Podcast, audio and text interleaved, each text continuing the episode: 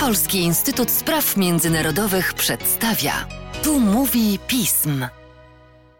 W podcaście Polskiego Instytutu Spraw Międzynarodowych witam Państwa Łukasz Jasina i witam naszego miłego gościa w tym tygodniu, Arkadiusza Legiecia. Cześć. Dzień dobry. Mówiliśmy sobie już w tym tygodniu o Kirgizji, dużo rzeczy tam się dzieje zresztą dalej, ale pora wrócić do konfliktu trwającego już od bardzo dawna, ale wznowionego niedawno, czyli konfliktu karabachskiego. Jak w tej chwili wygląda sytuacja? Kto wygrywa, kto przegrywa i kto kogo wspiera?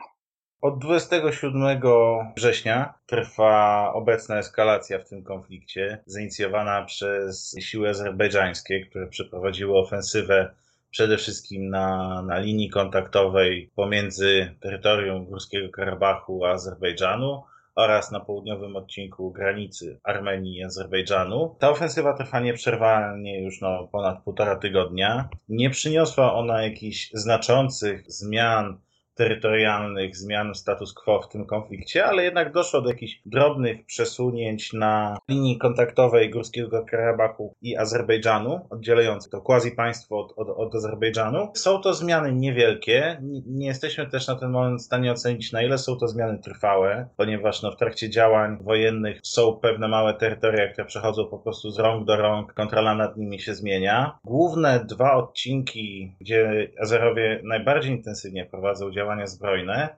To jest północny odcinek linii rozgraniczenia Górski Karabach-Azerbejdżan. Tam z jednej strony Azerom w początkowym etapie tej ofensywy udało się zająć te, te, te, strategiczne wzgórza Murow, nawet nie tyle zająć, co po prostu objąć je kontrolą w wyniku zbliżenia się do nich, jakby możliwości objęcia ich ogniem artyleryjskich. Rozmawialiśmy o tym w ubiegłym tygodniu, że to jest takie strategiczne miejsce, bo tam przechodzi jedna z dwóch głównych dróg prowadzących z Górskiego Karabachu do, do Armenii. Drugim odcinkiem, gdzie gdzie działają siły azerbejdżańskie. Jest południowy odcinek, już tutaj bliżej granicy z Iranem. Tutaj Azerowie kilkukrotnie podawali informację, że udało im się przejąć kontrolę, czy też, jak to sami Azerowie nazywają, wyzwolić spod okupacji ormiańskiej kilka wiosek, a także jakichś tam mniejszych miasteczek. Aczkolwiek, no, co warto zaznaczyć, to w większości nie są tereny zamieszkane. To też w większości nie są te, znaczy w zasadzie we wszystkich przypadkach, to nie są tereny zaliczane jakby do tego właściwego górskiego Karabachu,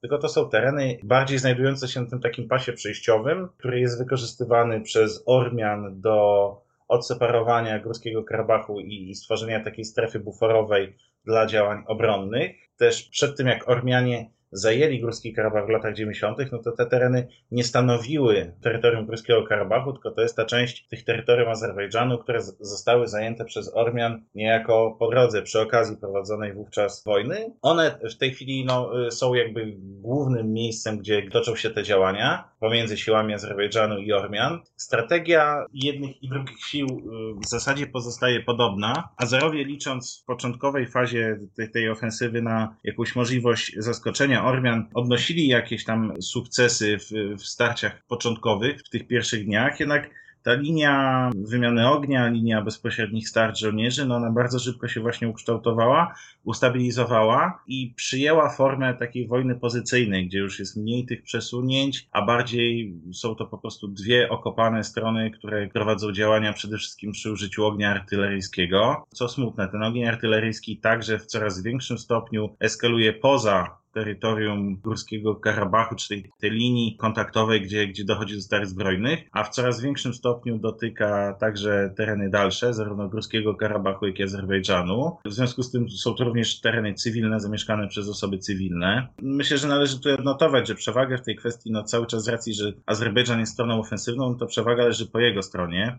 Tej nocy mamy informację o tym, że Stepankert, czyli stolica Górskiego Karabachu, był bombardowany non-stop Ormianie oczywiście odpowiadają na tego typu działania Azerów. W ostatnich dniach między innymi zostało przez nich ostrzelane azerskie miasto Ganja, drugie największe miasto w Azerbejdżanie. Azerowie również donoszą o innych, które zostały przez Ormian strzelane, takie jak ropociąg, Baku Tbilisi Ceyhan, czy inne obiekty strategiczne, takie jak zapora wodna na przykład w Azerbejdżanie, aczkolwiek te informacje no, nie zostały przez nas jeszcze potwierdzone. Jest duża też możliwość, że część część z nich no po prostu nie jest prawdziwa, a Azerowie niejako hiperbolizują ten potencjał ostrzału prowadzonego przez Ormian na terytorium właściwym Azerbejdżanu po to, aby usprawiedliwić swoje działania, swój ostrzał prowadzony wobec terytorium Górskiego Karabachu. Ale oprócz tych starć na linii frontu, oprócz tego ostrzału artyleryjskiego, no to ważne działania są prowadzone również w powietrzu. I tutaj znowu przewaga jest po stronie Azerbejdżanu. Ona wynika bezpośrednio z tego,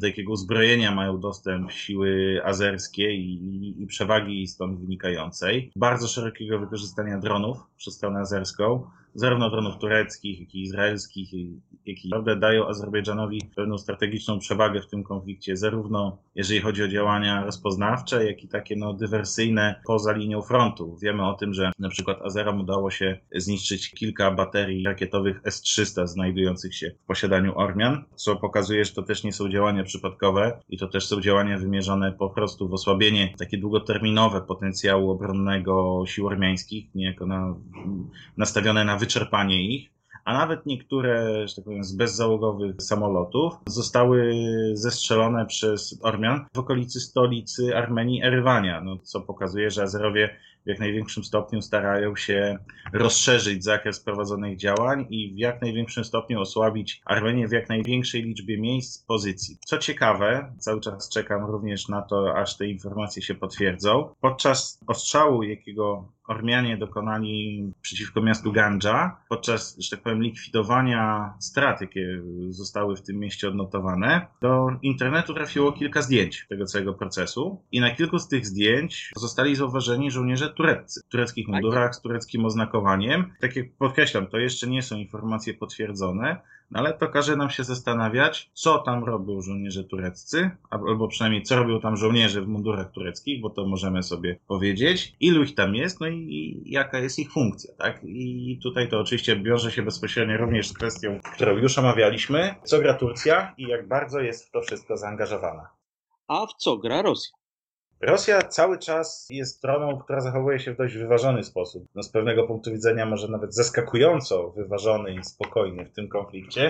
Aczkolwiek patrząc na interesy rosyjskie, no w ogóle nie powinniśmy być zaskoczeni, ponieważ no, Rosja w dalszym ciągu ma kontrolę nad tą sytuacją, i Rosja w dalszym ciągu z tej sytuacji jest w stanie wyciągnąć dla siebie bezpośrednie korzyści. Nie będę już oczywiście przypominał tego, że Rosję wiążą z Armenią takie, a nie inne zobowiązania sojusznicze, to tutaj mm, odsyłamy do poprzedniego podcastu, ale Rosjanie cały czas oczywiście nie wspierają Ormian w Górskim Karabachu. Tam Ormianie są zdani na siebie i tam Ormianie no, muszą się mierzyć z silniejszą stroną azerską, która no, w tym konflikcie zdecydowanie wykazuje przewagę. Przewagę w jakichś tam nawet minimalnych, ale jednak osiągnięciach przewagę w strategii działań, no i przewagę w uzbrojeniu.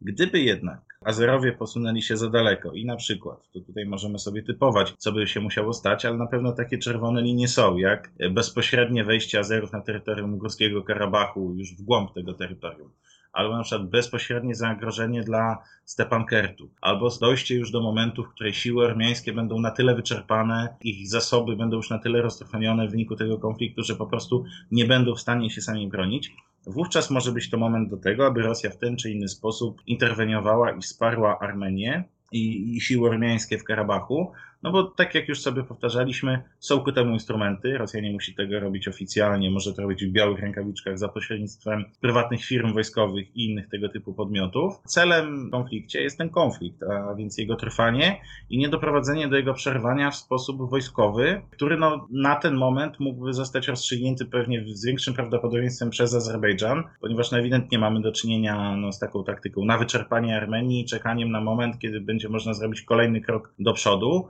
Rosja zdecydowanie nie ma w swoim interesie tego, aby, aby Azerom ten cel się udał i zdecydowanie w takim momencie by interweniowała. Ale z drugiej strony, jeżeli przyjrzymy się na to, jak ta sytuacja na froncie wpływa na sytuację wewnętrzną w Armenii, no to zdecydowanie jest to również korzystny scenariusz dla Rosji, ponieważ im słabszych partnerów będzie miała po stronie władz ormiańskich, tym lepiej dla Rosji, ponieważ to jest ten sam scenariusz, co w przypadku Białorusi czy innych państw, tutaj w cudzysłowie partnerskich dla Rosji. Im są one słabsze, tym więcej daje to Rosji pola do wywierania na nie nacisku, do realizowania swoich partykularnych celów i większego uzależniania państw od siebie. A jak wiemy, no, przyjdzie moment na rozliczenia obecnego rządu Armenii i jego skuteczności w walkach przeciwko Azerbejdżanowi, w jego efektywności obrony terytoriów uważanych za ormiańskie. Może się to skończyć poważnym osłabieniem mandatu społecznego rządu Paszyniana. Może się to nawet skończyć zmianą na tym stanowisku. Jak wiemy, tego typu historie w Armenii nie byłyby niczym nowym, a to jest tylko kolejne pole do, do wykorzystania przez Rosję. Jednakże jest jeszcze inny aspekt, który no, w mojej ocenie jest martwiący, który wynika z tego bezprecedensowo silnego zaangażowania Turcji w ten konflikt i wsparcia Azerów, bo Dzisiaj sobie wspominamy o możliwej obecności żołnierzy tureckich tam w Azerbejdżanie w takiej czy innej formie i funkcji.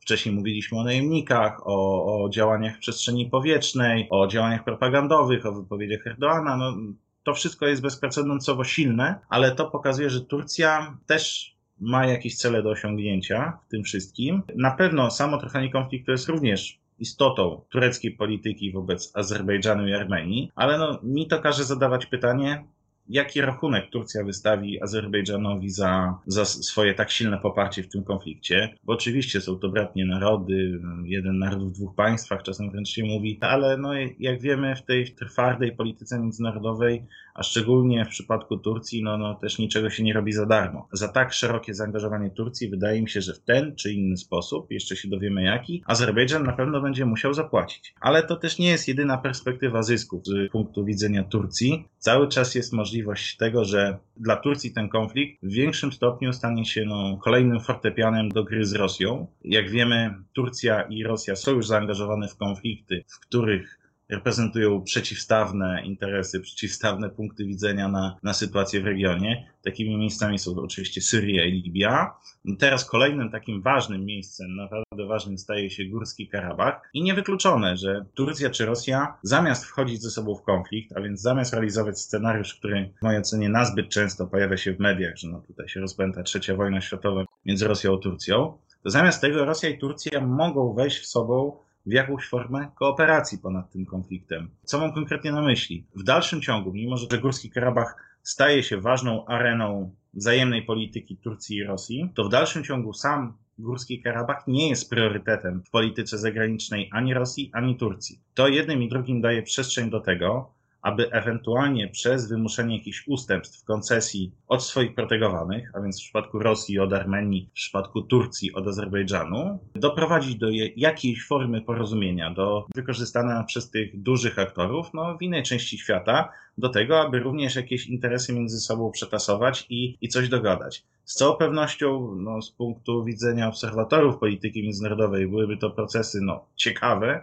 ale z punktu widzenia rzeczywistych interesów, na przykład samych Ormian i Azerów, no byłoby to bardzo niebezpieczne dla nich samych, bo to oni najwięcej mogliby na tym stracić, ale też jest zagrożeniem z punktu widzenia naszego polskiego czy europejskiego, a przede wszystkim z punktu widzenia Sojuszu Północnoatlantyckiego, no bo pamiętajmy, że Turcja cały czas jest członkiem NATO, mimo że problematycznym, to jednak członkiem NATO i wszelkie próby odnowienia jakiejś taktycznej współpracy między Turcją a Rosją byłyby bezpośrednim zagrożeniem dla jedności sojuszniczej w ramach sojuszu i o tym musimy też pamiętać. Pamiętamy, pamiętamy i będziemy się na to patrzyli. Zwłaszcza, że co słusznie powiedziałeś i między wierszami, i wprost w swoim, w swoim podcaście, to jest tylko początek bardzo szerszej przebudowy tego, co tam się znajduje. No, nawet nie początek. Dalszy ciąg długiej historii. Kontynuacja wręcz. Drogi Arku, dziękuję Ci bardzo. I zobaczymy jeszcze, czy jak prędko powstaje kolejny podcast o Karabachu. Jeszcze tydzień temu myśleliśmy, że być może drugi nie będzie potrzebny. Będziemy śledzić sytuację i na pewno jeszcze będziemy rozmawiać. Dzięki wielkie. I Dzięki. Dziękuję również Państwu.